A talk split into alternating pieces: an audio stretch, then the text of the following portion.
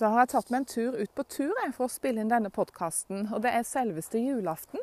Tidlig på ettermiddagen, nei, seint på ettermiddagen, og sola er eh, på vei ned. Men ennå så kjenner jeg den mot ansiktet, og det lyset er så varmt. Ikke veldig varmt, men litt varme. Og mer energien da, som kommer fra den sola, den gjør meg godt. Så jeg har tatt meg en tur ut, stoppet opp litt nå. Eh, for å spille inn denne podkasten til deg. Eh, jeg har et vers fra apostelgjerningen i 2020 eh, som jeg vil dele med deg. Og det har utfordret meg, og kanskje gjør det det med noen av dere som hører på også. Og jeg må bare gi videre det som jeg kjenner blir lagt på mitt hjerte. Jeg skal finne det. Nå er det sånn at jeg har en app som jeg bruker på mobilen til å spille inn podkast, og så har jeg en app med Bibelen, så det er jo veldig greit.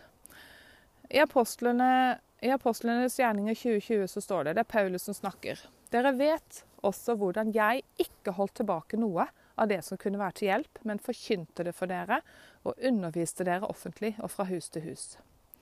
Jeg hørte dette verset lest av Øystein Gjerme, som er leder for ledertid i pinsebevegelsen. Og Han la vekt på det her ved inngangen til 2020, før vi visste noe om korona. Og det var den siste delen spesielt der han jeg uh, syns var litt spesielt å, å, tenke tilbake på nå når vi vet hvordan året 2020 er blitt. Uh, om at han underviste, da, Paulus underviste offentlig og fra hus til hus. For det har jo vært slik i 2020 at vi har blitt mye mer offentlige på sosiale medier bl.a. Og samtidig også mye mer uh, hjemmekjære, eller hva skal jeg si, under, undervist i huset, i hjemmet og i små samlinger i menigheten. Så det, det, som, men det som berørte meg det var, Jeg syns jo det òg var sterkt. Men når jeg leser dette her som står i 20, vers 20 i begynnelsen Dere vet også hvordan jeg ikke holdt tilbake noe av det som kunne vært til hjelp, men forkynte det for dere og underviste dere. Offentlig og fra hus til hus. Dere kjente Tone. Er det tid for å slutte å holde tilbake det Gud har vist deg? Og jeg tenkte på dere som hører på. Er det tid for å slutte å holde tilbake det Gud har vist deg, som kan hjelpe andre. Nå holder ikke jeg det tilbake bevisst, og det gjør sikkert ikke du heller. Eh, og det kan være så mange grunner til at ting blir holdt tilbake. Det kan være frykt, det kan være økonomi, det kan være uklarhet om retningen. Det kan være tvil om det Gud har talt dette.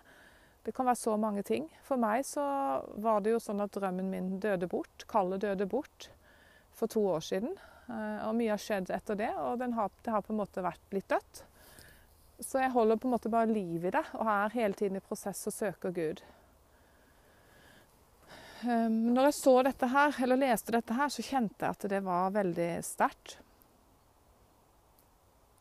Og jeg leste det igjen etter en uke, og det var like sterkt. Det berørte meg like sterkt. Og da tenkte jeg da er det noe her.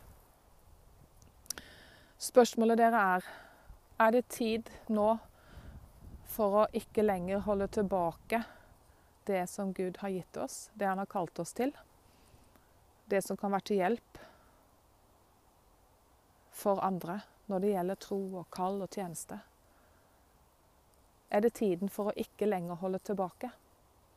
Det vil jeg utfordre deg med. Og når jeg kjenner på min egen vei, og jeg har mange ting jeg kan forklare det med, og gode grunner til at ting er krevende, og, og grunner til at jeg skal ta en pause. Men så leste jeg vers 19 nå, nå når jeg skulle spille inn podkasten, og den, den, hadde jeg ikke lest før i, i, sammenheng med det vers 20. Og der står det at Paulus tjente Herren med all ydmykhet, og med mange tårer og prøvelser som møtte ham på veien. Og det er jo sånn man kan kjenne, det, kjenne på på ulike måter. Og det har jeg kjent på, og det kjenner kanskje du på. Men Paulus lot seg ikke stoppe av den grunn. Han valgte likevel å gå med det og dele det han kunne, som kunne vært til hjelp for andre. Og det var både offentlig og fra hus til hus. Det utfordrer meg, og kanskje utfordrer det noen av dere som hører på. Hva har Herren talt? Hva er det du kjenner? Hva er det som du skal gjøre, men som du har holdt tilbake? Som kanskje i 2021 skal ut. Fordi det er det viktige. Det skal være til hjelp til for andre.